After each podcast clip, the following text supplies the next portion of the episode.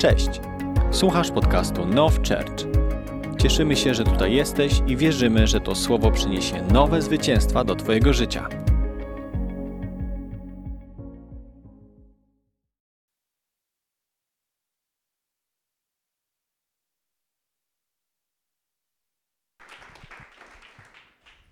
Dobry wieczór. Dobry wieczór, dobry wieczór. Dziękuję za gorące przywitanie. Sparzyłem się. Dobrze Was widzieć. Zobaczę za filarem, kto jest. Dzień dobry. Za drugim filarem. Dzień dobry. Okej, dobrze Was widzieć. Pogłos jak za światów. Słuchajcie, mam nadzieję, że macie dzisiaj oczekiwania, bo ja mam ogromne. Amen? Okej, pół sali ma oczekiwania. Amen. Słuchajcie, w tą, od tej niedzieli, od tej niedzieli dotykamy czegoś, nie mówię, że wcześniej tak nie było, ale od tej niedzieli dotykamy czegoś, co jest e, bardzo dużym puzzlem w kształtowaniu DNA tego miejsca, duchowego DNA tego miejsca. Każde słowo, które tu jest, każde spotkanie, każda makrogrupa, mikrogrupa, piątki, niedziele są złożoną, są częścią całości i nic nie jest oderwane od siebie nawzajem. Natomiast chcę powiedzieć, że gdybym miał przyłożyć gwiazdkę do niektórych treści, gdybym miał przyłożyć gwiazdkę do jakichś kazań, do jakichś dni, to na pewno bym to zrobił w ostatnią niedzielę i nie ze względu na to, że ja to głosiłem, ale w tą niedzielę, która była, dzisiaj bym tą gwiazdkę jeszcze bardziej powiększył niż tą, którą bym namalował pod kazaniem niedzielnym, która, by, która była. Dlatego chcę Wam powiedzieć, że jest to coś, co mnie dosłownie pożera i, i jednocześnie ekscytuje. I za każdym razem, kiedy myślę dokładnie o tego rodzaju przesłaniu, o Bożej chwale, o Bożej obecności, coraz bardziej Duch Święty poszerza mnie w kontekście myślenia, jak ważne to jest i jak bardzo my, jako Kościół, jako część tej wspólnoty, musimy rozumieć to przesłanie. Musimy rozumieć temat Bożej obecności. Musimy rozumieć temat namaszczenia. Musimy rozumieć temat Bożej chwały, bo jest to niezwykle ważne, dlatego że chcę to powiedzieć po raz enty. Jest to tytułem, jest to okładką, jest to czymś, co chcemy, aby było znakiem rozpoznawczym tego kościoła. Tego kościoła nie chcemy, aby było rozpoznawcze e, Modlińska 6D, Global Expo, eventy, służba dzieci, aczkolwiek chcemy, aby były eventy, służba dzieci, jesteśmy na Global Expo, jesteśmy na Modlińskiej 6D. Natomiast znakiem rozpoznawczym, to jest moje marzenie i wierzę, że każdy z nas im dłużej tu jest i zaczyna rozumieć o co chodzi, dzieli to marzenie razem z resztą, że znakiem rozpoznawczym dla tego miejsca chcemy, aby była namacalna, żywa, chwała Boża, obecność Boża w wymiarze manifestującym się, który to każdy wchodzący do miejsca spotkania będzie doświadczał i nie tylko podczas spotkań, ale będzie tym żył na co dzień w swoich domach, w autobusie, w tramwaju, w podróży, w pracy, z pracy i tak dalej. Wiecie o czym mówię? Więc tym, tem, tym tematem jest, jest żywe, prawdziwe, namacalne doświadczenie Boga. Wiecie, ja zdaję sobie sprawę, że nie ma tutaj nikogo, kto by pierwszy raz z moich ust lub generalnie w życiu chrześcijańskim usłyszał terminologię obecność Boża, chwała Boża, e, namacalne doświadczenie Pana. Wierzę, że z tym terminem spotkaliście się nie raz, nie pięć, nie dziesięć i, i nie pięćdziesiąt. Każdy z Was ma już oklepanie w swoich uszach na temat tego rodzaju słów, tego rodzaju treści. Ale pytanie, czy jesteśmy, nazwę to, oklepani z doświadczeniem tej terminologii, którą tak dobrze znamy. Doświadczenia Bożej obecności, doświadczenia Bożej chwały. I dlaczego to jest takie kluczowe, dlaczego to jest takie ważne? Zanim na to odpowiem, chciałem powiedzieć, że jeżeli miałbym wybrać kilka wersetów opisujących i charakteryzujących nasz Kościół, to gdybyście mnie zapytali, Jakub, jakbyś dał nam kilka wersetów, które chciałbyś, aby były takim wersetem rozpoznawczym naszego kościoła, to bym na pewno wyciągnął Psalm 27,4. To jest psalm, który jest naprawdę streszczeniem tego, co tu mówimy, i chciałbym to przeczytać. O jedno prosiłem Pana, o to zabiegam, abym mógł mieszkać w domu Pana przez wszystkie dni życia mego, by oglądać piękno Pana i odwiedzać świątynię Jego. I tak oczywiście, że było to pisane w Starym Testamencie i wiemy, jaki jest wymiar świątyni nowotestamentowej teraz, ale wierzę, że przenosząc ten werset w wymiar Nowego Przymierza, jest tu też mowa o domu Bożym, w którym wspólnie my możemy się spotykać i doświadczać obecności Pana, aczkolwiek nie tylko w świątyni, ale i w każdym innym miejscu. Amen? I teraz, więc dlaczego to jest takie ważne doświadczenie Boga w swoim życiu? Wielu zgodzi się ze mną, że chciałoby tego doświadczyć, ale myślę, że gdybyśmy mieli zapowiedzieć jakąś konsekwencję doświadczenia z Panem, pytanie, czy byśmy wiedzieli, co tak naprawdę dzieje się w życiu człowieka. Bo jeżeli utożsamimy się z tym, że doświadczenie Pana przynosi tylko fajne odczucia, tylko fajne doświadczenie, tylko dreszcze, to mijamy się z celem.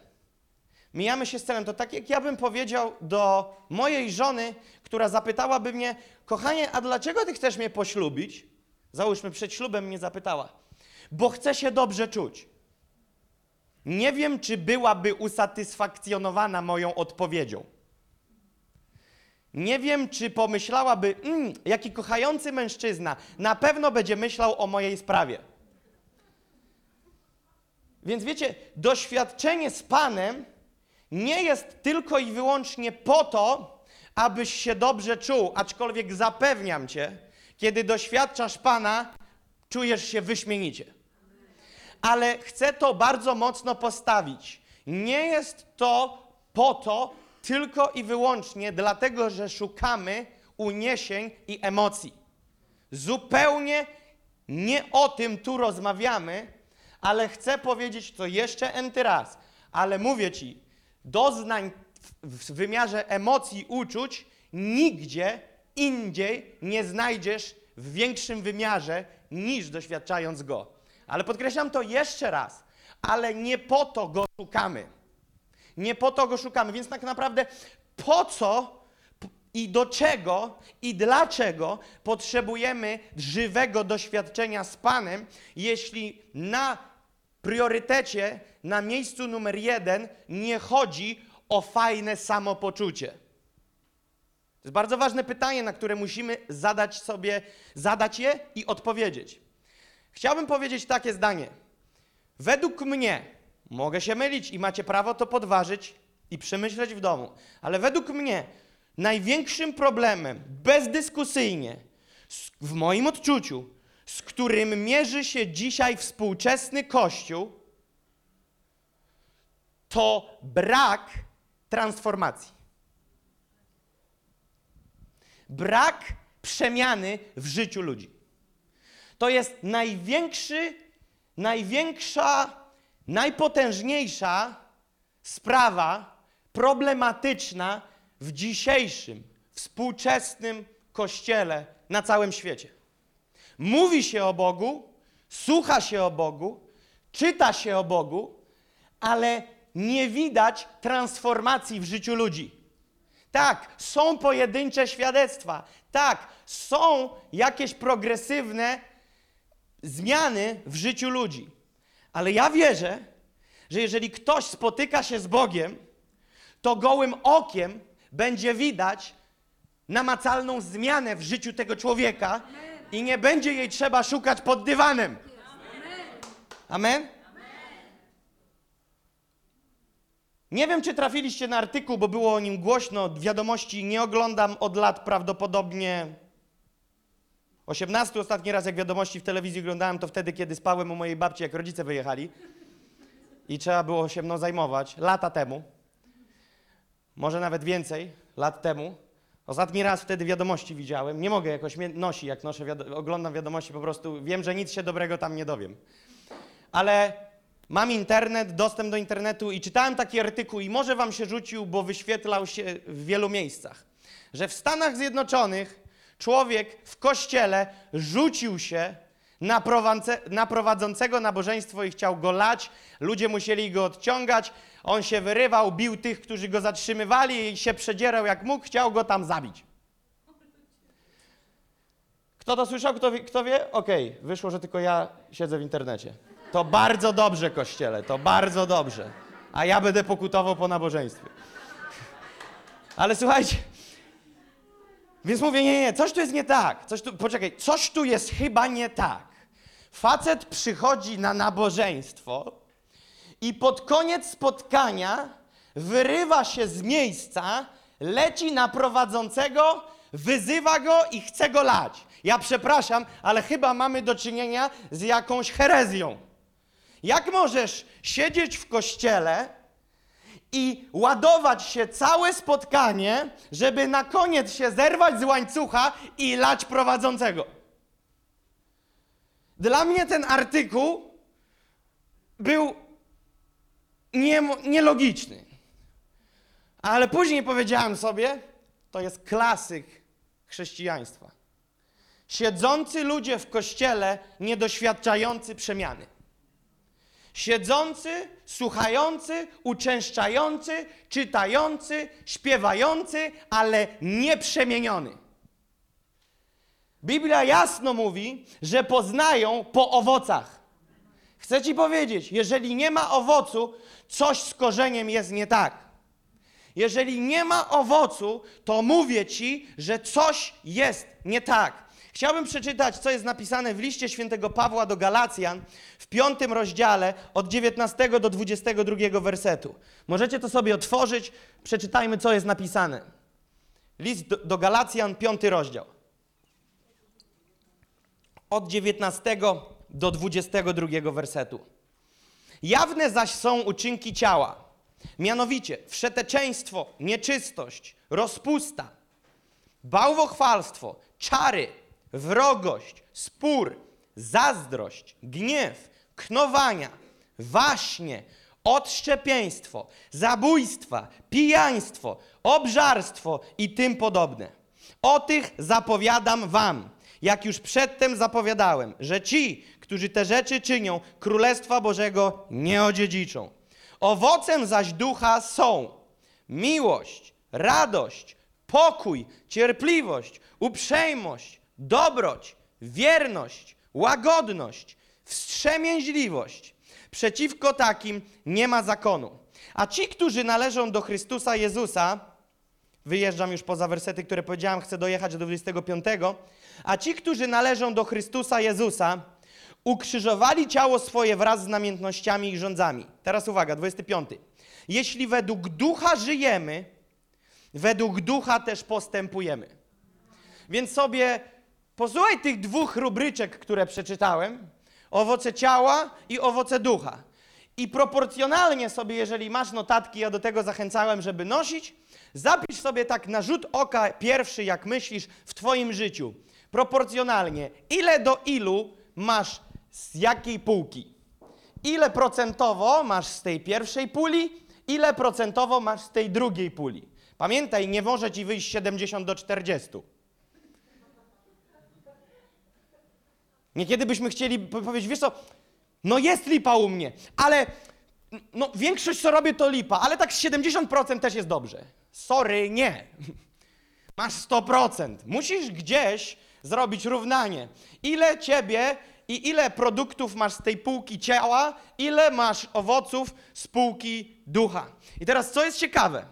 Tu nie ma tłumaczenia zbyt głębokiego i usprawiedliwiania. Tu jest proste zagranie. Owocami ciała jest to, to, to, to, to, to, to i to. Owocami ducha jest to, to, to, to, to, to i to. Teraz bardzo prosto. To, co masz, pamiętaj, mówimy o owocach. To, co masz, ma źródło w korzeniu, które nazywa się albo chodzenie według ciała, albo chodzenie według ducha. To nie jest skomplikowana filozofia. Utrudnia to religia. Religia nie bawi się w korzeń. Religia walczy z owocami. Religia niby chce być prosta, ale tak bardzo utrudnia sprawę. Bo religia mówi tak: musisz być dobry. A ja ci mówię, to jest niewykonalne. Religia walczy z owocami. Nie wnika, że to jest jabłoń. Ona oczekuje gruszki. Nie, z jabłoni nie będzie gruszek, z jabłoni będą jabłka. Ludzie próbują walczyć z owocami i mówią: OK, będę dobry, będę robił to, będę robił tamto, a nie będę już robił tego i tego. Posłuchaj, jeżeli nie zmienisz kanału, pod który jesteś podpięty, to rzeczywistości nie oszukasz. Jeżeli walisz w michę dzieci, żonę, babcię, dziadka, wyzywasz polityków przed telewizorem i opluwasz polityka, który idzie po ulicy, chcę ci powiedzieć, masz rurę podłączoną do ciała. I to nieważne już, czy uderzyłeś go z blachy, czy na, na twardo, to nie ma znaczenia. Rurę masz podłączoną w konkretnym adresie. Rura nazywa się, pod adresem jest zainstalowana cielesność. I jeżeli cokolwiek z tych rzeczy, chcę przeczytać jeszcze raz, jest u ciebie, a chcę powiedzieć, nie ma nikogo z nas tu na sali, nie ma ani jednego człowieka, który był, się wyczyścił z tej pierwszej tabelki. Nie, nie ma takich jokerów tutaj, to chcę, żeby to było jasne. Ale pytanie jest o proporcje i teraz przeczytam je jeszcze raz. Jawne uczynki ciała, wszeteczeństwo, nieczystość, rozpusta. Jedziemy dalej. Bałwochwalstwo, czary, wrogość, spór, zazdrość, gniew, knowania, waśnie, odszczepieństwo, zabójstwa, pijaństwo, obżarstwo. Chciałbym tylko na temat zabójstwa, bo może ktoś powiedział, nas nie dotyczy. Jezus podniósł poprzeczkę, wystarczy, że w głowie go ukamienujesz, już go zabiłeś. Także chciałem przypomnieć, że mamy morderców na sali. Pijaństwo, obżarstwo i tym podobne. O tych zapowiadam wam, jak już przedtem zapowiedziałem, że ci, którzy te rzeczy czynią, Królestwo Bożego nie dziedziczą. Owocem zaś ducha są, teraz posłuchajcie, jak pięknie to brzmi, miłość, radość, pokój, cierpliwość, uprzejmość, dobroć, uh, wierność, łagodność, wstrzemięźliwość. Teraz chcę ci powiedzieć, jeszcze prościej. Masz miłość? Masz przejawy miłości? Czy chodzisz radosny? Czy towarzyszy ci pokój? Czy jesteś cierpliwy? Czy jesteś uprzejmy? Czy przejawiasz dobroć? Czy przejawiasz wierność? Czy jesteś łagodny? Czy jesteś wstrzemięźliwy? Jeśli tak, to na ile masz odpowiedź tak, na tyle żyjesz według ducha. Ale na ile jesteś pokręcony do kwadratu z tej pierwszej tabelki, na tyle żyjesz według ciała. Tego nie możesz oszukać. I teraz powiem wam, co religia nas nauczyła. Oprócz tego, że mówi, musisz być dobry, czyli próbuje zmienić owoce, nie dotykając źródła, religia robi jeszcze jeden manewr. Nałożyła usprawiedliwienie, bo to przez niego. Bo to on mi tak powiedział. Bo on, jak ona mogła. Ale powiedz mi, gdzie w następnym wersecie ty masz usprawiedliwienie czegokolwiek? Albo gwiazdkę przy tej pierwszej tabelce i tam jest napisane, no ale oczywiście nie tyczy się tych, którzy mają upierdliwego męża. Nie. Tu nie ma wyjątków. Jest konkretnie.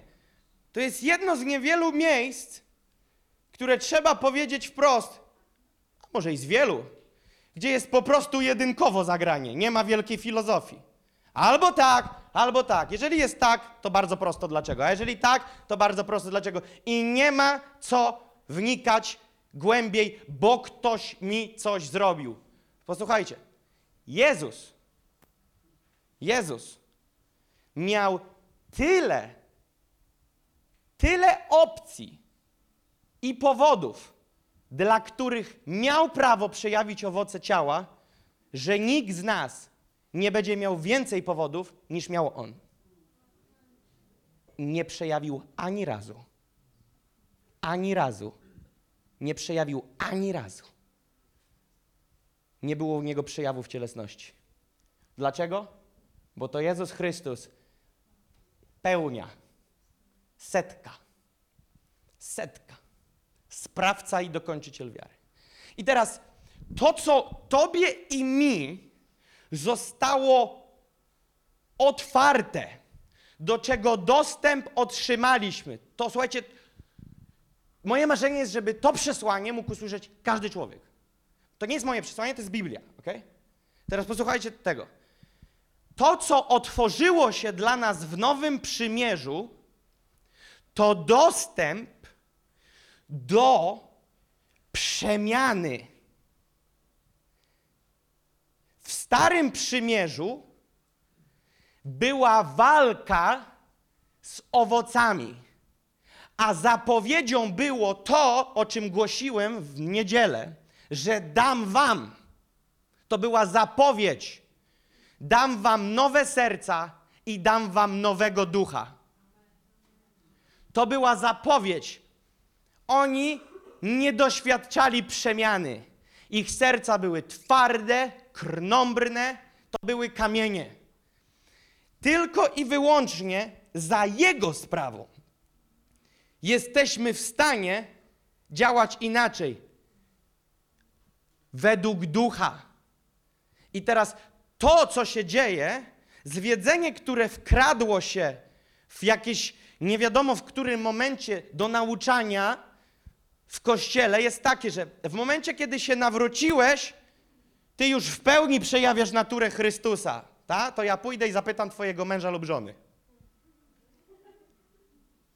Chrystus w tobie już jest, tak? Top. 100%. To skąd tyle przejawów cielesności? Skąd reszta?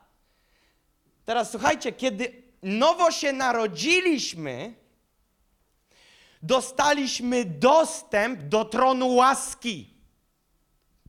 A pamiętacie, co mówiłem w niedzielę? Co wypływa spod tronu? A, tararara, rzeki. Zaraz się to pospina wam. Teraz posłuchajcie. Mamy dostęp do tronu łaski i Biblia mówi odważnie przystąpcie przed tron łaski. Odważnie, z odwagą przystąpcie do tronu łaski. Po co? Bo kiedy spotykasz się, kiedy następuje styk, kiedy następuje pływanie w tej rzece, kiedy następuje transmisja, w tym momencie jest miejsce ujścia dla towaru cielesności i miejsce poboru dla sprawy ducha. Wtedy jest gdzieś tam ulatuje jak gazy cielesność i co za tym idzie owoce tej cielesności. I na ile z nim masz do czynienia, na tyle służba ducha i to, co z ducha płynie, ma na ciebie realny, uwaga, praktyczny wpływ, i wtedy następuje prawdziwa, namacalna przemiana w Twoim życiu.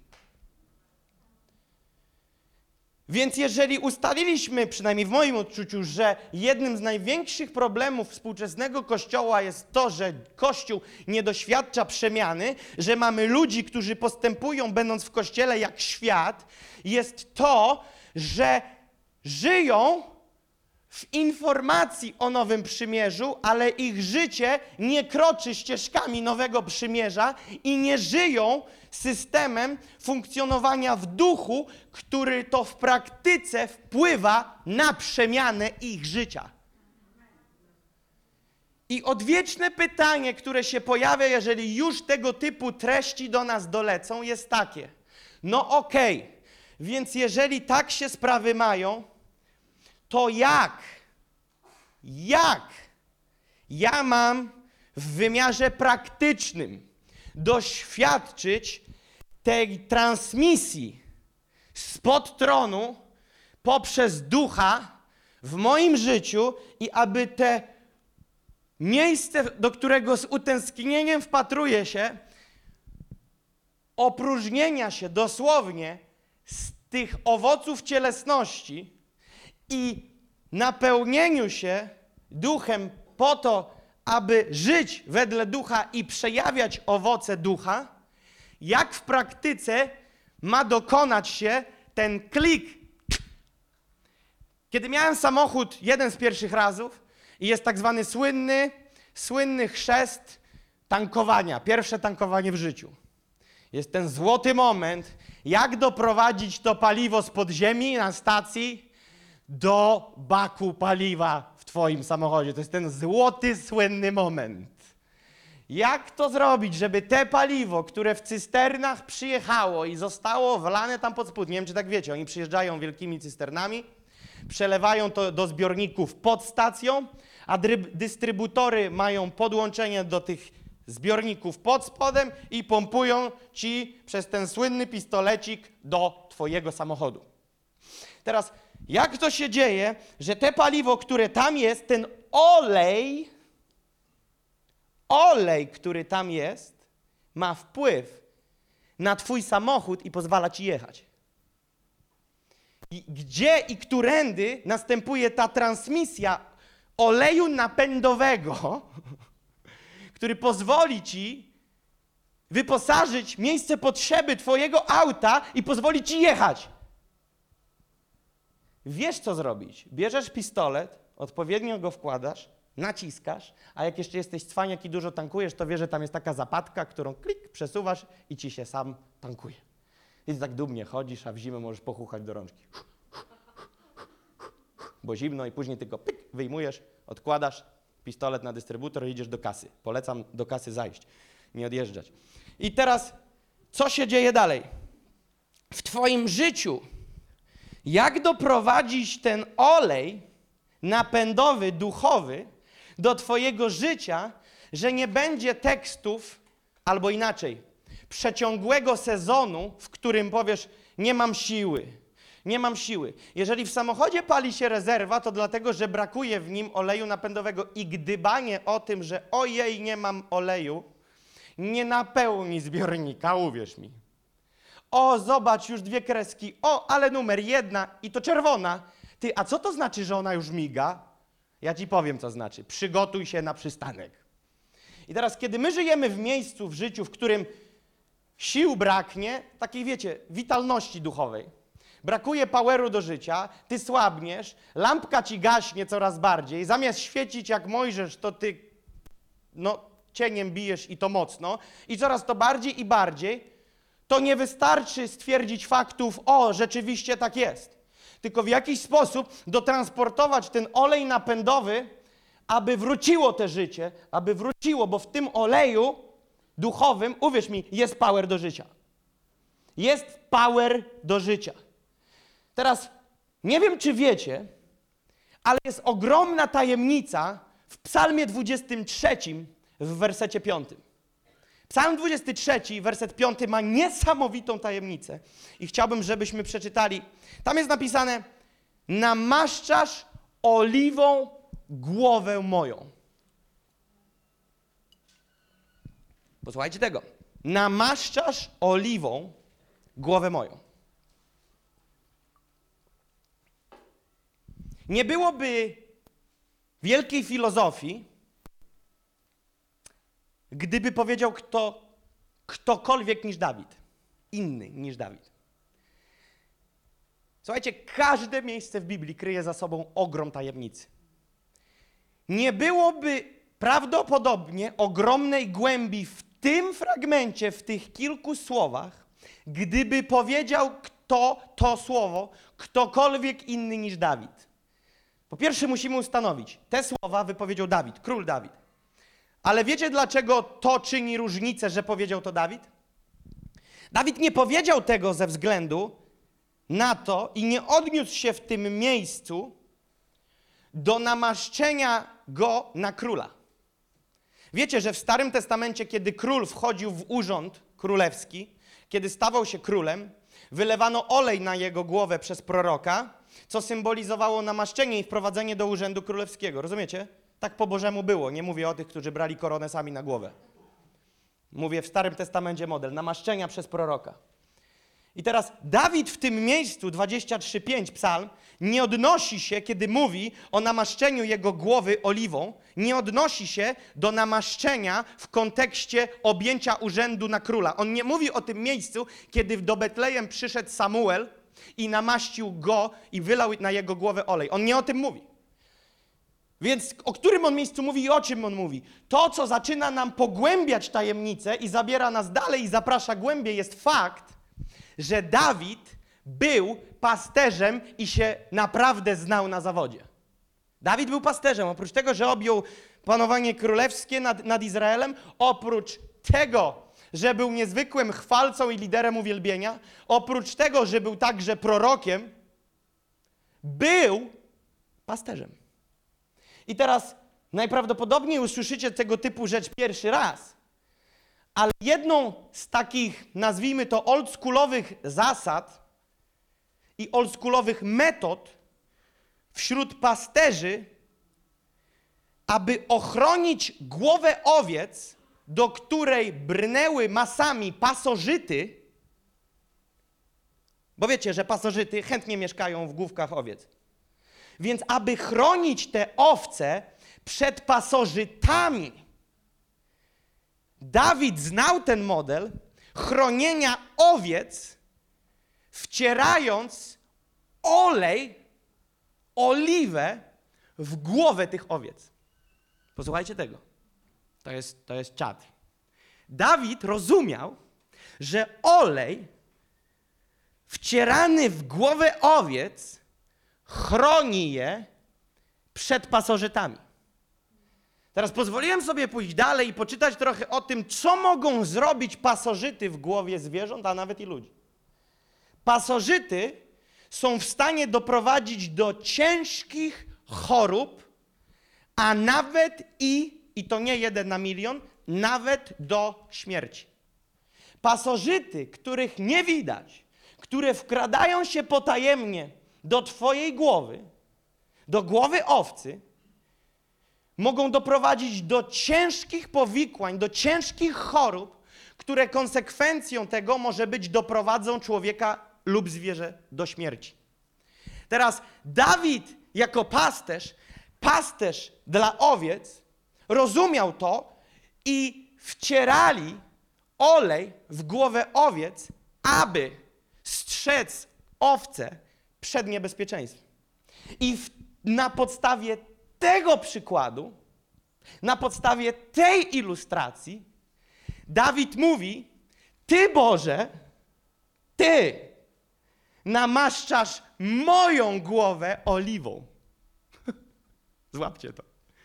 Oznacza to, że Dawid, w życiu Dawida Bóg, jedną z, z kluczowych obrazów Boga w życiu Dawida był Dawid, Bóg był dla Dawida obrońcą. Dawid miał Boga, którego poznał w niezwykły sposób jako obrońcę. Jako obrońcę w swoim życiu. Teraz jak zobaczycie Psalm 27, nie 4, a 1, 2, 3, a w szczególności 2, 3, to zobaczycie, że słowa w, w wersecie drugim i trzecim mówią o tym, że Dawid jest w trakcie błagania o litość i wyratowania z niebezpiecznej sytuacji. I nagle mówi: Ty namaszczasz moją głowę oliwą.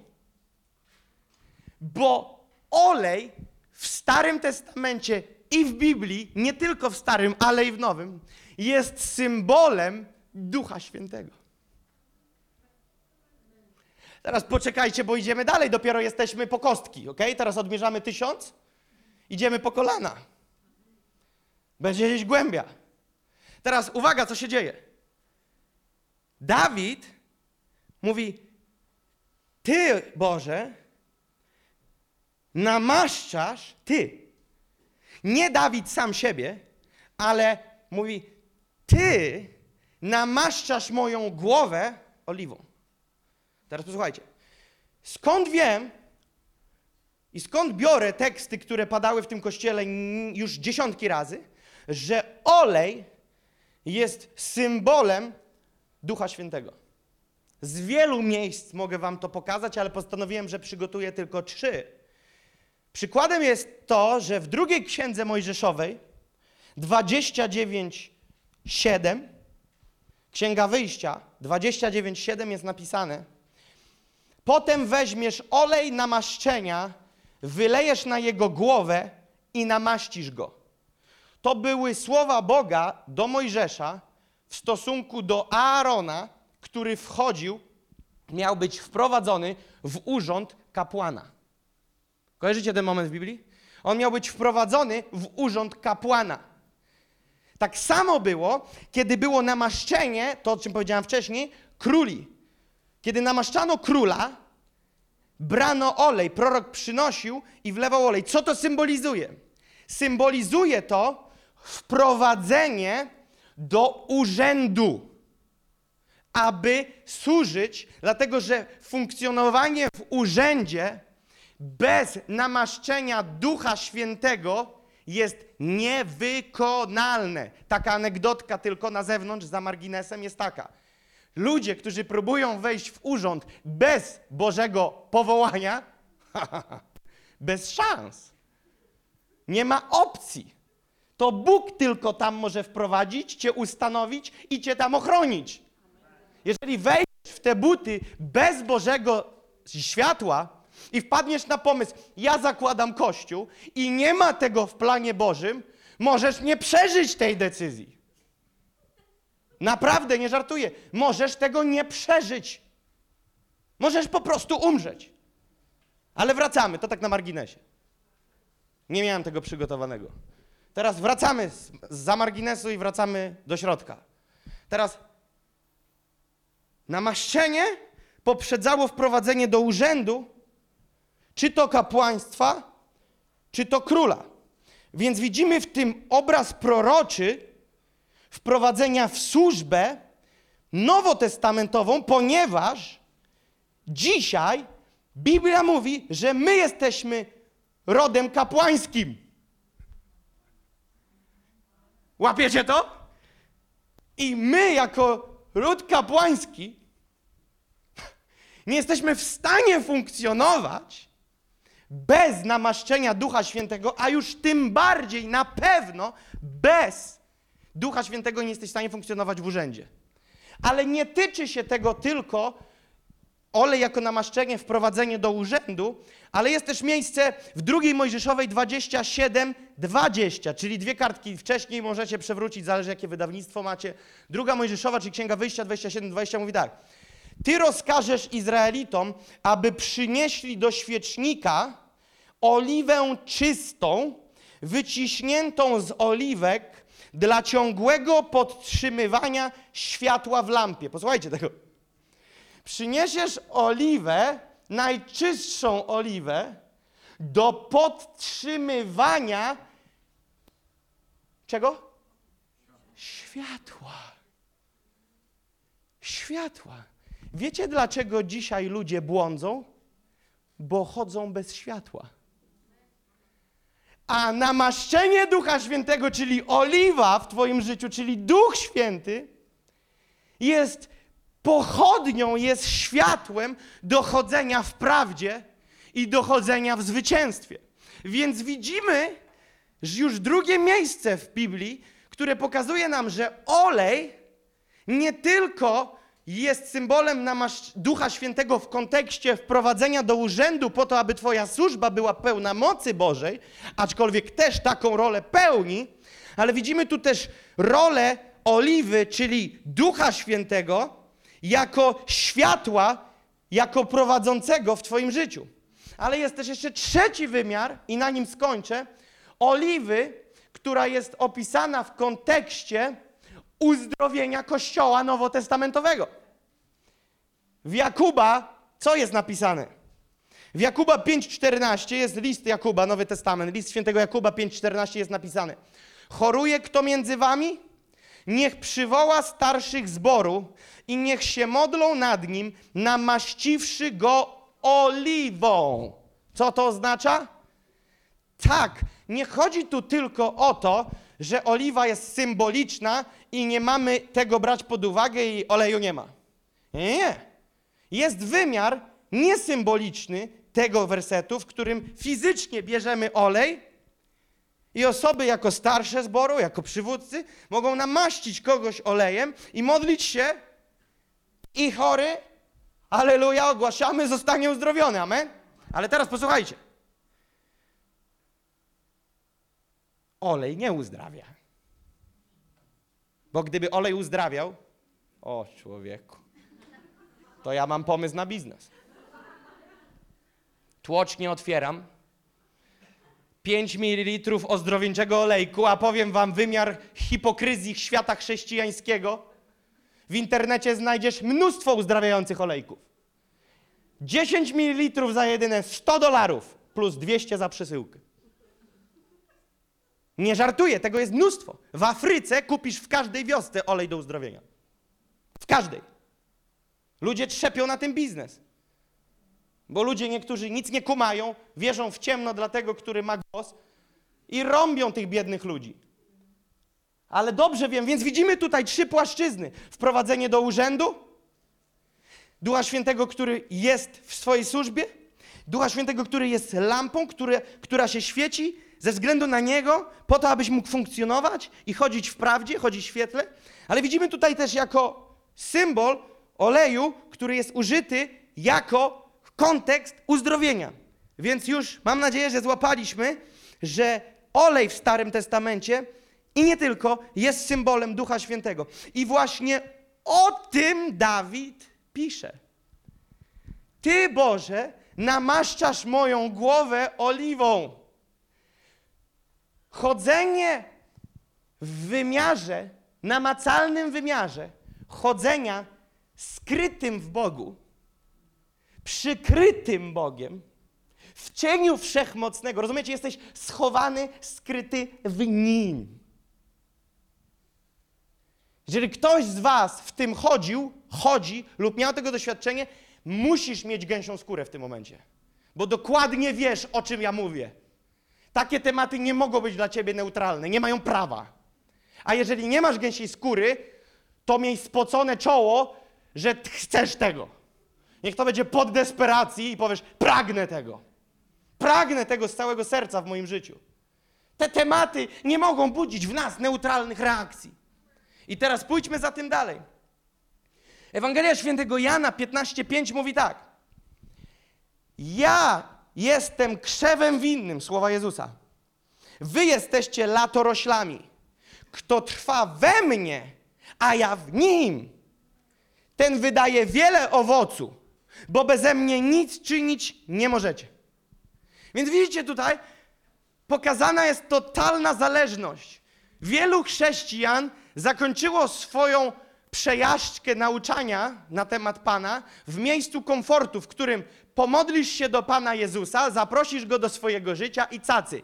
Tylko problem polega na tym, że to jest początek, a nie koniec. Bo 15.5 mówi, ci, którzy trwają we mnie, a ja w nich. Jeszcze jak latorośl. Widzieliście, jak latorośl się układa? Tam jest pomieszanie z poplątaniem. Ty to rozplącz, nie ma szans. To jest spięte razem, nie przejdziesz tego. To jest jedność. Tak Jezus wyraża zależność, którą chce, abyśmy my mieli od Niego. My w Nim, On w nas. My spleceni z Nim, On z nami. Nie da się nas rozłączyć. Nie da się nas. I teraz uwaga, tu nie chodzi, to jest bardzo ważne. To nie chodzi tylko i wyłącznie, posłuchajcie tego, to nie chodzi tylko i wyłącznie o zrobienie kroku w stronę przymierza, w które wchodzisz. Bo tak, to jest inny wymiar. Boży Duch wespół z Duchem Twoim świadczy o tym, że jesteś dzieckiem Bożym, jesteś zapieczętowany. To jest jedna część historii, ale druga to ta, w której tkwisz jesteś wplątany, jesteś spleciony z nim i z tego płyną soki. Z tego płynie życie. To jest bardzo ważne. Gdyby wejście w nowe przymierze gwarantowało mi wydanie właściwego owocu, wszyscy powinniśmy być chodzącymi Chrystusami. A jak to jest, że niektórzy wierzący są chodzącymi wampirami? Bo wejście w nowe przymierze jest zaproszeniem do zejścia głębiej. Wejście do nowego przymierza nie daje ci żadnej gwarancji, że dobiegniesz do mety i osiągniesz pełnię przeznaczenia. Zupełnie nie. Zupełnie. Dlatego tak bardzo temat przemiany w życiu człowieka powinien być na tapecie każdego kościoła. Bo jeżeli w kościele nie ma przemiany wśród ludzi, to co będzie? To co będzie? Nic nie będzie. I teraz pójdźmy dalej, ale nie w tym ja tkwię. Pokażę tylko teraz bardzo ważne, dlaczego jest potrzebna przemiana. Powiesz sobie, a co mnie z tej przemiany? Jestem nowonarodzony człowieku, mam pewniaczka do nieba i z bani. Po pierwsze, to ci powiem tak, ty egoisto. Efezjan czwarty rozdział mówi, że ludzie w urzędzie w pięciorakiej służbie mają wyposażać wszystkich świętych do dzieła posługiwania. Oznacza to, że jak jesteś święty, a jesteś ze względu na sprawiedliwość Jezusa Chrystusa, jesteś powołany do dzieła posługiwania, do budowania i szerzenia Królestwa Bożego ciała Chrystusa. Więc nie ma czegoś takiego, że ty mówisz, ja czekam. Na co? Na co?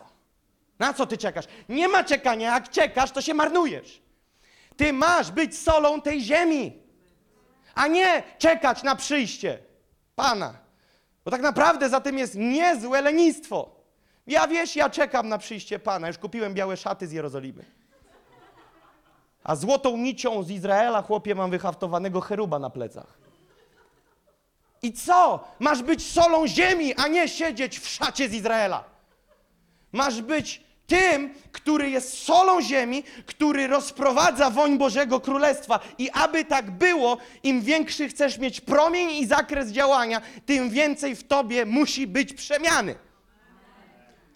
Więc bez Ducha Świętego, bez tego wpływu, o którym mówię od początku, nie ma przemiany. Jak nie ma przemiany, to nie ma owocu. Jak nie ma owocu, to jesteś do niczego. Przepraszam, ale tak mówi Biblia. Takiego to wyciąć i w ogień. Tak jest napisane tam później. Jak chcecie, to sobie poczytajcie. Już nie chcę was bombardować. No ale tak jest napisane. Ale już nie tak daleko. I teraz zobaczcie, co się dzieje. Więc potrzebny jest ten wymiar, potrzebny jest ten wymiar, w którym On ma na mnie i na ciebie wpływ.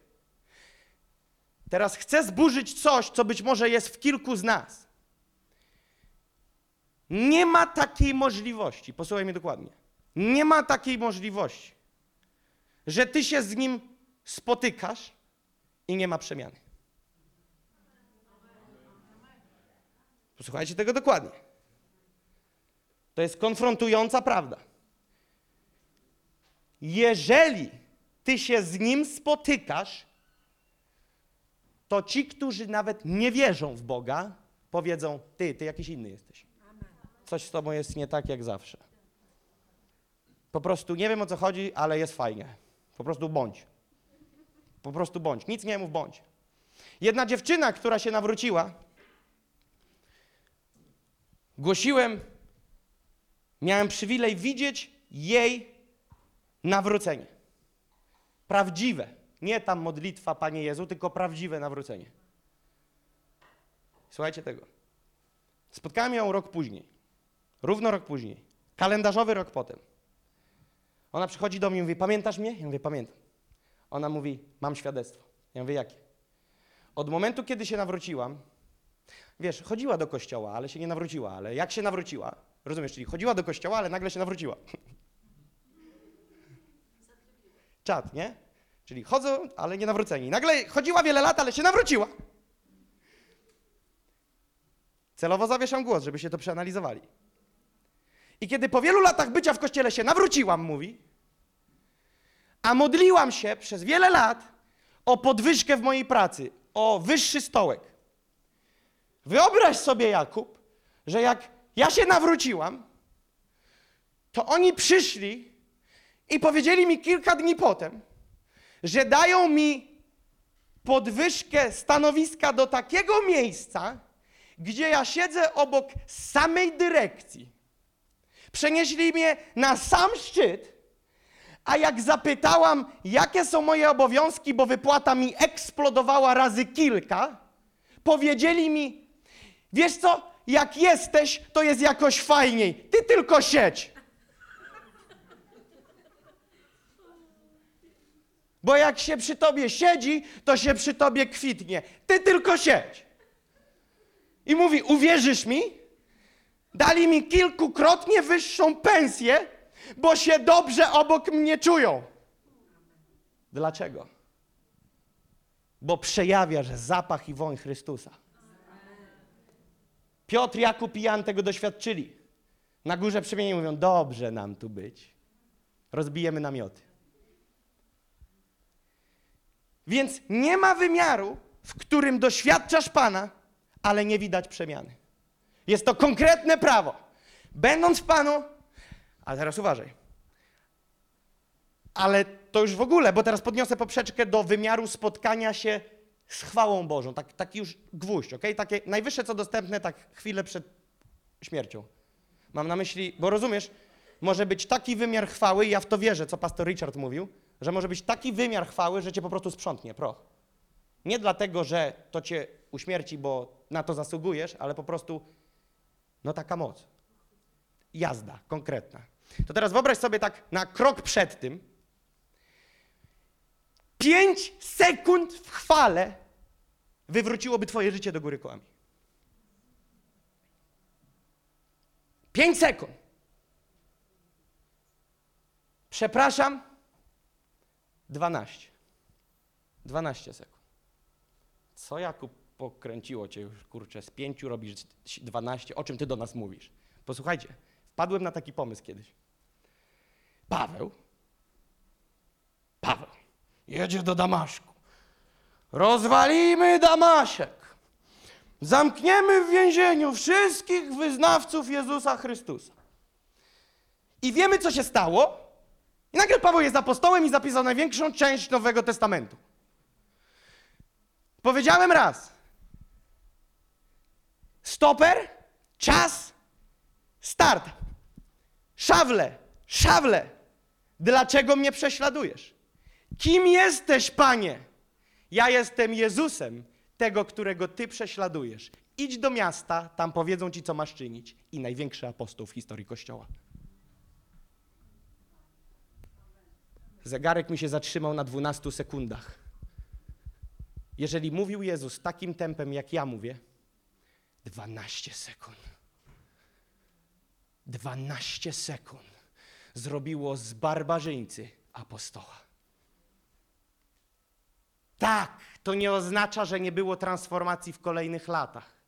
Tak, to nie oznacza, że on nie potrzebował stać na tej ścieżce, zmagać się z wieloma rzeczami.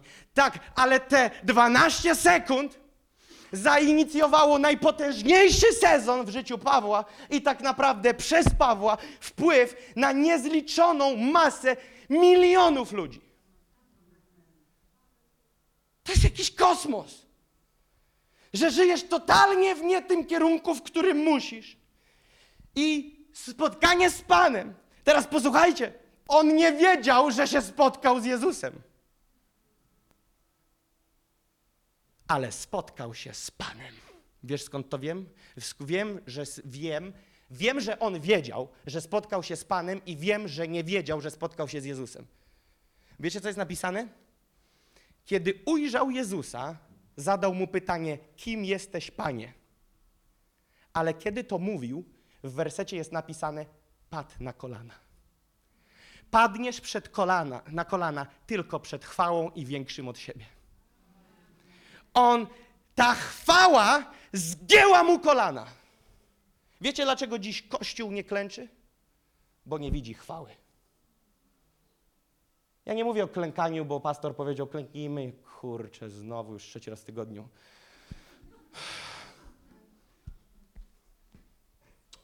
Ja nie o tym klękaniu mówię. Ja mówię, kiedy cię składa.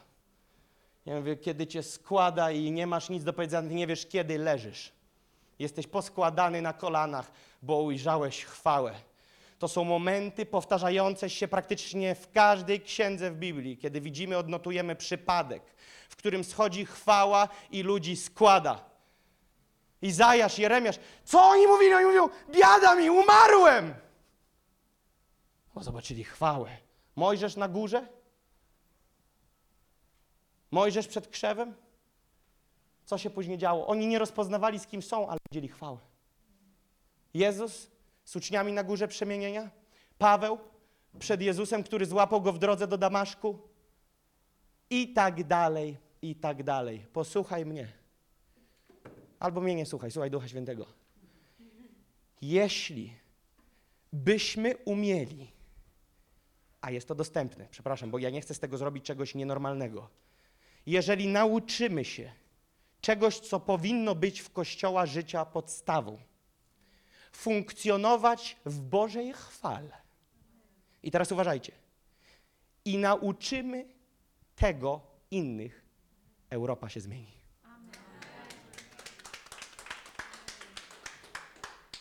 Europa się zmieni. Dlaczego? Popatrz, co zrobić może Bóg przez jednego człowieka. Ten Paweł był do niczego. Ten Paweł był dosłownie do niczego. Ale kiedy wjeżdża Bóg, to jest niepoliczalne, jaki wpływ miało działanie Boże w Pawle na całą Ziemię. Na całą Ziemię, całą planetę i wszystkie pokolenia do dziś z naszym włącznie. Rozumiecie to? Zobacz, co Bóg mógł zrobić przez Reinharda Bonkę. Prawie 100 milionów ludzi.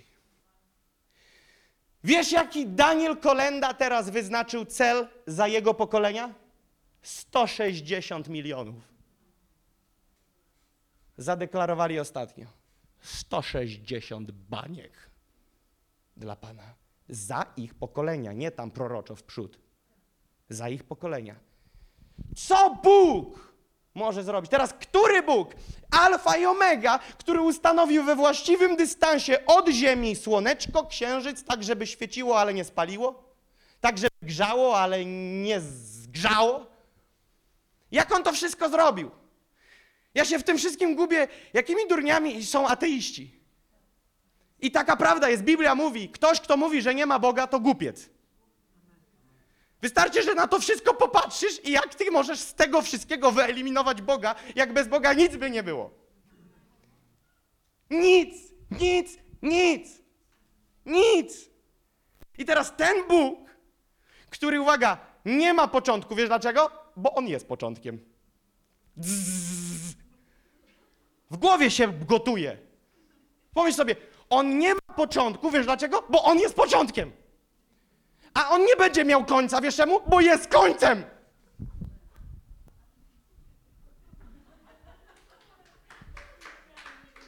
Ja próbowałem kiedyś, naprawdę. Nie dla żartów, ale wyszedł z tego żart. Położyłem się na łóżku, patrzyłem w sufit i mówię, spróbuję to pochłonąć w głowie. I dochodzisz do miejsca takiego sufitu w myśleniu, że nie jesteś w stanie tego przedrzeć. Wiesz dlaczego? Bo my nie jesteśmy w stanie zrozumieć wymiaru brak początku i brak końca, ale na ile zbliżysz się do niego, na tyle poszerza ci się perspektywa. Na ile trwasz w nim, a on w tobie. I na ile idzie przepływ, na ile idzie przepływ tych soków, na tyle przychodzi owoc. Więc teraz, gdybyśmy umieli, powiem wam, my po prostu byśmy przyszli w pewną niedzielę i powiedzieli, pastorze, w trzy dni jest plan, 100 tysięcy. 100 tysięcy dusz dla Pana. W trzy dni, tak nam Pan powiedział. A ktoś wstał, powie, a czuję, że Duch mówi, 150 do jutra. Byśmy zmietli miasta. Byśmy zmietli narody byśmy to pozmiatali, bo nagle, nagle wszedłbyś w to, w co wszedł Paweł. Nie żyję już ja, ale żyje we mnie Chrystus. Chrystus bez limitów. Rozumiesz? On nie ma limitów. I nagle wyobraź sobie, kiedy dochodzi do tak wielkiej przemiany w Twoim życiu, że nagle znikasz Ty, a jest On. Nagle gdziekolwiek nie idziesz, jazda. Gdziekolwiek nie wejdziesz, będzie zadyma. Przepraszam, zanim przyjdziesz, będzie zadyma. Jezus zanim wchodził, już wybiegali i mówili, po co ty przyszedłeś nas przed czasem męczyć? Na drzwiach miasta już go demony złapały i mówią, po co przyszedłeś? Wiedziały, że jak on przejdzie przez próg miasta, będzie i zadyma w mieście. Wiedziały to. Gdziekolwiek byś nie wszedł, będzie zadyma. A skąd wiem, że Bóg chce nam dać miasta? Skąd wiem, że Bóg chce dać nam narody? Bo Biblia, kiedy mówi o przypowieści o talentach, która odnosi się też do, do finansów, ale nie o tym teraz, jest powiedziane i temu dał panowanie nad takimi miastami, i tyloma miastami, i tyloma miastami, i tyloma miastami. Bóg chce, aby Jego ludzie, którzy są pochodnią, które palą się z namaszczenia Jego oliwy, stały jak na najwyższym świeczniku, bo to światło Chrystusa w nas będzie świeciło na jak największą liczbę ludzi. Więc gdzie jest klucz? W tym, aby połączyć się do tej oliwy, aby podłączyć się do tej rzeki. Więc wracam do niedzieli. Te rzeki spod tronu, które płyną, posłuchaj teraz, nie możesz sobie na nie zasłużyć. Zapamiętaj to. Jeżeli próbujesz sobie na to zasłużyć, nigdy nie zasłużysz, bo jest to łaska za darmo. Paweł powiedział: Jeżeli ktoś z Was próbuje się przepiąć na uczynki zakonu, wychodzi spod łaski i wchodzi pod przekleństwo. W tym momencie wychodzisz z parasola. To tak jak ja bym Ci powiedział, do restauracji, która jest zamknięta w czasie lockdownu. Wejdziesz tylko na jedne nazwisko. Restauracja jest zamknięta, zasłonki zamknięte, tam jest domofon i jak odbiorą domofon, nic nie powiedzą, ty masz tylko jedną opcję, żeby tam wejść. Musisz powiedzieć Kamiński, bo tylko Kamińskiego znają. A ty powiesz sobie, nie tam Kamiński, ja się piękniej nazywam, ja jestem pan Kwiatek. I przyjdziesz do domofonu i załóżmy, że masz na nazwisko Kwiatek i klikniesz domofon, tam cisza, a ty słowo klucz mówisz Kwiatek. Walną słuchawką i drzwi jak zamknięte, to zamknięte, zasłonki jak zamknięte, to jeszcze dwie dowiesili. Tak samo jest w przyjściu pod tron. Jest tylko jedna opcja, jest tylko jedno imię Jezus Chrystus. I kiedy ty próbujesz przyjść pod tron, bo ty chcesz zasłużyć i powiesz, Panie Jezu, bo ja już czwarty dzień na wodzie, fakt, że już mdleję, 17 kilo w czapkę, już mi pod oczami już normalnie y, nie ma nic już, to teraz mnie wysłuchasz? To właśnie się zatrzasnęły drzwi. Bo Biblia mówi, że jest tylko jeden pośrednik między nami a Bogiem. Jezus Chrystus. I uwaga, to nie jest tylko do katolików, którzy mają cztery inne imiona po drodze. To jest też do nas, którzy próbujemy wstawić swoje imię po drodze. Bo my często czujemy się godni, kiedy poczytamy trzy, trzy razy Biblię i przyjdziemy dwa razy na modlitwę. A nagle, kiedy już nie poczytamy i nie pomodlimy się, czujemy się niegodnie. Sprawa pogłębiania relacji albo jej olewania to inna sprawa, ale sprawa akceptacji to zupełnie inna sprawa. I jeżeli próbujesz zyskać to poprzez swoją świętość, to mam dla ciebie newsa. Zero świętości. Proch jesteś, para. Paweł mówi, poroniony płód, czapa z tobą, nie ma nic. Ty w ogóle nie jesteś zarejestrowany w formie jakiejkolwiek wartości. Ale ze względu na Chrystusa. On patrzy na nas jak na swoje dzieci. Poprzez świętość, poprzez sprawiedliwość Jezusa Chrystusa. Więc kiedy ja zaczynam modlitwę, kiedy głoszę i kiedy mówię w imieniu Jezusa, to nie dlatego, że to jest frazes, który ładnie brzmi w modlitwie i w kościele, tylko dlatego, że to jest jedyna przepustka do tego, aby moja i Twoja modlitwa była wysłuchana.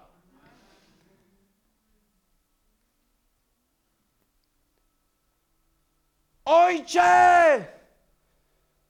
Ojcze! No już czwarty dzień! Czytam słowo i poście. Wysłuchaj mnie!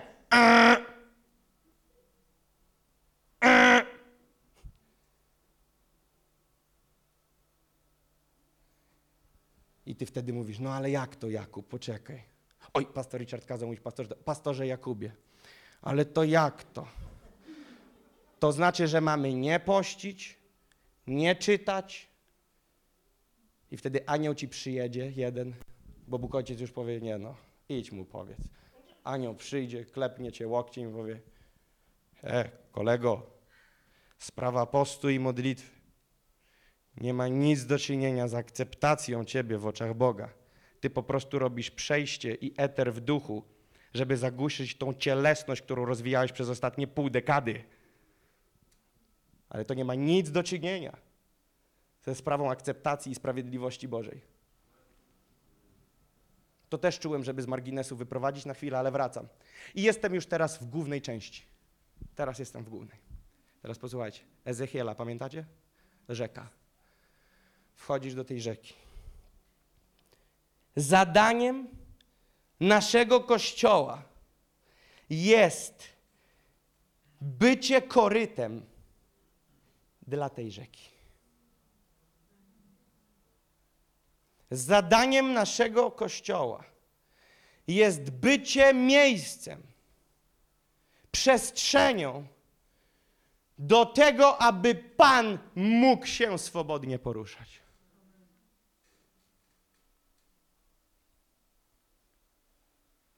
Dlaczego? Bo jeżeli będzie u nas ta rzeka płynąć, to już nic ci nie zostało, jak w slipkach wskoczyć i pływać. To, co mówił Ezechiel. Po kostki, po kolana, po pas. A później to już trzeba by było w tym pływać, bo już się tam chodzić to nie dało. Wiesz, dlaczego ktoś, nie mówię o odlotach duszewnych, tylko o prawdziwym duchowym doświadczeniu. Wiesz, dlaczego niektórzy podczas uwielbienia, może myślałeś i nazywałeś ich dziwakami, zachowują się tak? Wielokrotnie tak miałem. Bo ty już poleciałeś. Ty już płyniesz. A twoje ciało po prostu tylko próbuje na tym zadążyć. Za tym nadążyć, zobaczyć, gdzie ty w ogóle jesteś. Twoje ciało nie rozumie. I dlatego tak bardzo jest ważne, żeby główeczkę to wyłączyć, bo ona ci podpowie, ale z siebie robisz, durnia.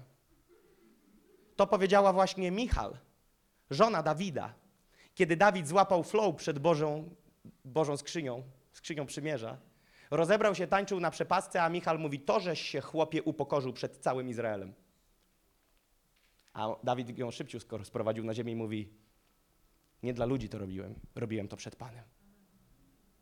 Ach, ten Dawid, co? To ten, który pisał o namaszczeniu głowy oliwą. To ten sam, o którym Bóg mówi. Znalazłem człowieka według mojego serca. To ten sam, który pisał poematy na temat Bożego piękna. To ten sam, który pisał obudzę się z rana i nasycę się widokiem Twoim. To ten sam. To ten sam. To był człowiek, który w Starym Przymierzu sięgnął po rzeczy niezwykłe. On oglądał piękno Pana. W Starym Przymierzu. Moje pytanie do mnie i do Ciebie jest takie, kiedy oglądałeś ostatni raz piękno Pana? Zastanawiałem się, czy użyć słów dzisiaj i doszedłem do wniosku, że tak, ale zanim je powiem, po- pomyślałem, czy warto jest wprowadzić w to miejsce emo, emocje? Czy warto jest dotknąć dzisiaj na spotkaniu sprawy łez i postawić sprawę bardzo mocno, jedynkowo? Zastanawiałem się mocno, czy nie stworzę jakiejś herezji. Czy jakbym powiedział, że jeżeli nigdy nie płakałeś w Bożej obecności, to zbyt głęboko nie zszedłeś. Chyba patrząc na swoje życie, powiem na to amen. Jeżeli nigdy nie szlochałeś, jeżeli nigdy nie płynąłeś w tym, to ty jeszcze ciągle na, na plaży. To ty tylko patrzysz na ludzi, którzy siedzą w wodzie, ale cię tam jeszcze nie ma. Teraz posłuchaj. Chrześcijaństwo nie jest tym, co myślisz, byciu na plaży i oglądanie tych, którzy pływają. Chcę cię tym słowem nie przygnębić, ale powiedzieć ci, że jest nadzieja. Chrześcijaństwo nie polega na siedzeniu na plaży i próbowaniu zachwycania się tym, jak ktoś powiedział, ale ciepła woda. Chrześcijaństwo polega na tym, że wychodzisz z tego spieczonego piachu i wchodzisz do rześkiej wody, do strumieni, które zamieniają się w potok, a nagle w rzekę, które przedzierają się w stronę Morza Martwego i które nagle zostawiają po sobie szlak życia, szlak drzew, które to wydają owoc, które są pokarmem, a ich liście są ku uzdrowieniu. Dotykamy dziś czegoś wysokiego. Dotykamy dziś czegoś głębokiego. Dotykamy dzisiaj tego, co jest dostępne dla dzieci Bożych w Nowym Przymierzu. Posłuchaj, mam dla Ciebie propozycję. Odważną. Podejmij decyzję sam. zresetuj w swojej głowie. Może nie wszystko, ale wszystko błędne, co ci wpakowali do głowy, nie wiem kto, na temat tego, jak wygląda relacja z Bogiem. Bo być może bezpieczniej będzie zresetować i zacząć od nowa, niż żyć ułudą jakichś przedziwnych nauczań. Nie mówię do nikogo, bo nie wiem kto, skąd, jak, gdzie, czego słuchał, ale zastanów się. Jeżeli jesteś w Panu lata, nie kwitniesz. Nie ma w tobie życia. Nie ma w tobie radości. Nie ma w tobie tego, tego soku ducha. Tego soku ducha.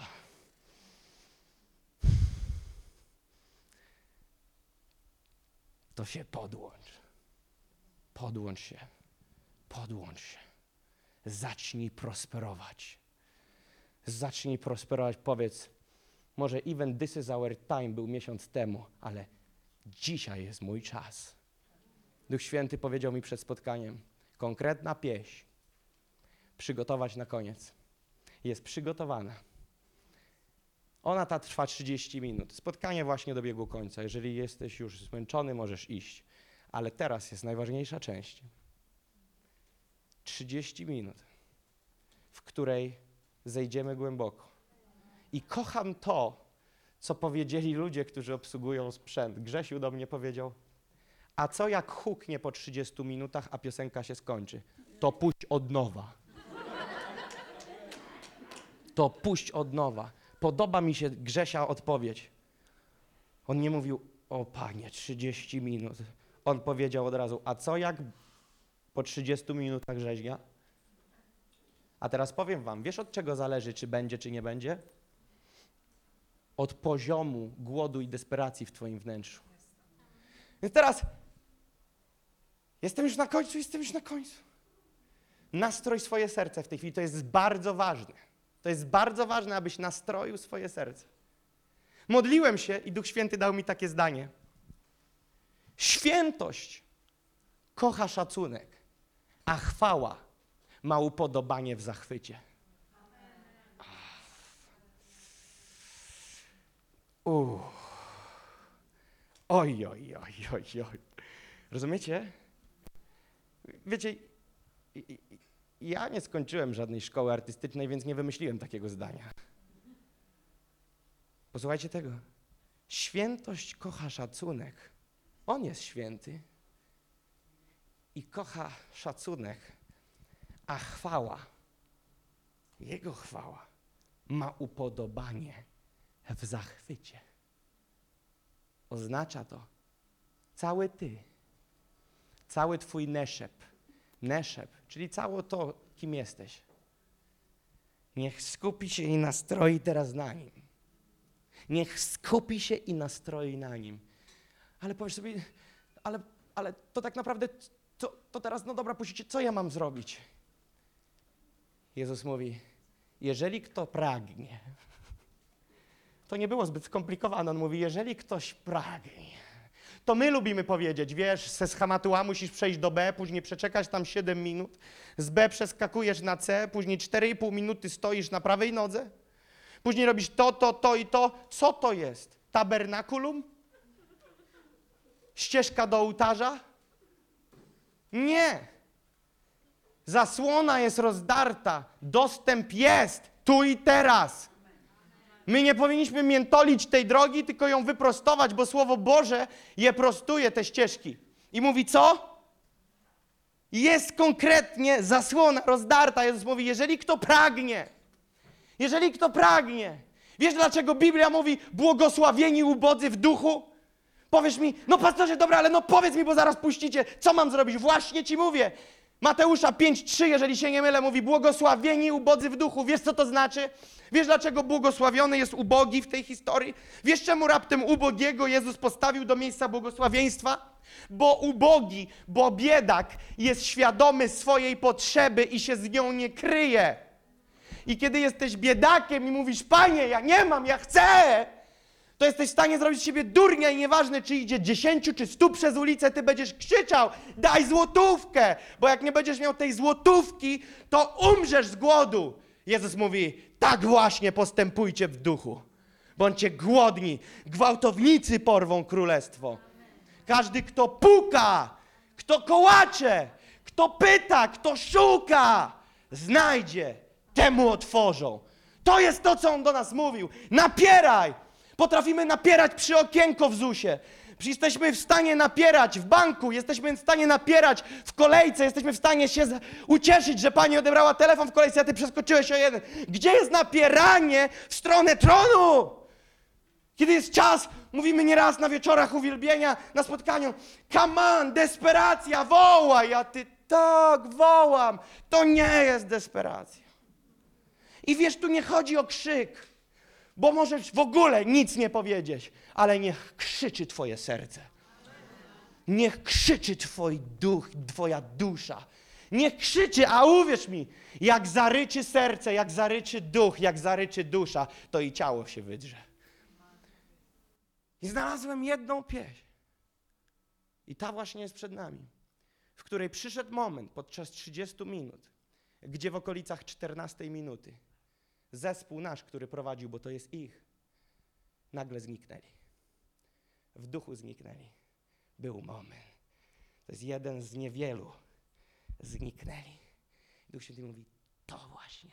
14 minuta, 32 sekunda, zniknęli. Pokazał i teraz nie, że to jest 14 minuta, 32 sekunda, zniknęli. Mówię, dobra, od 14.32, panie, puszczamy? Nie, nie, nie, puśćcie od początku. Śpiewajcie tą pieśń. Panie mój, oto jedno proszę Cię i jedynego tylko chcę. I nagle Pan odpowiedział. Pan odpowiedział i się działo. Więc puśćmy tą pieśń i miejmy czas, teraz kiedy całkowicie skupimy się na nim, w którym to całe Ty krzyczysz, chcę Go, chcę Go, chcę Pana, chcę Pana. Nastrojmy nasze serca.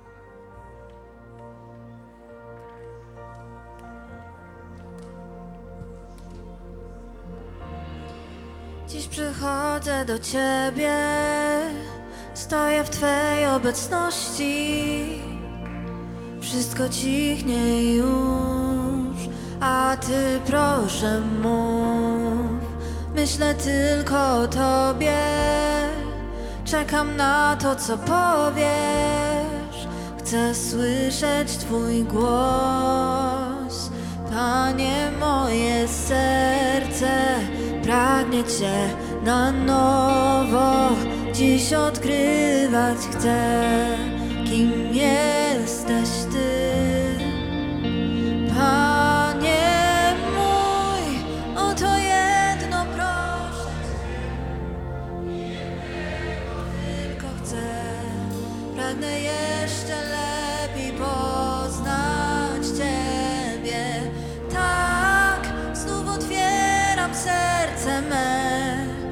odrzucam cały lęk. Potrzebuję dziś dotyku nieba. O, o, o.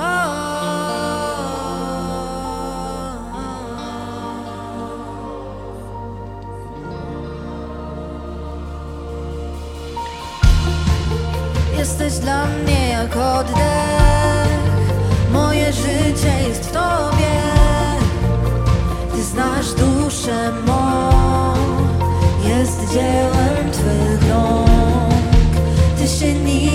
nigdy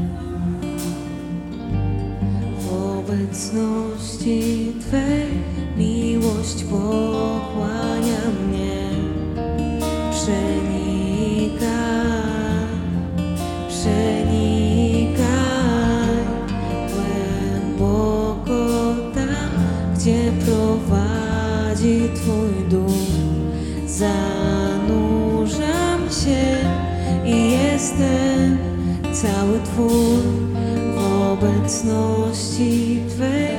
Miłość pochłania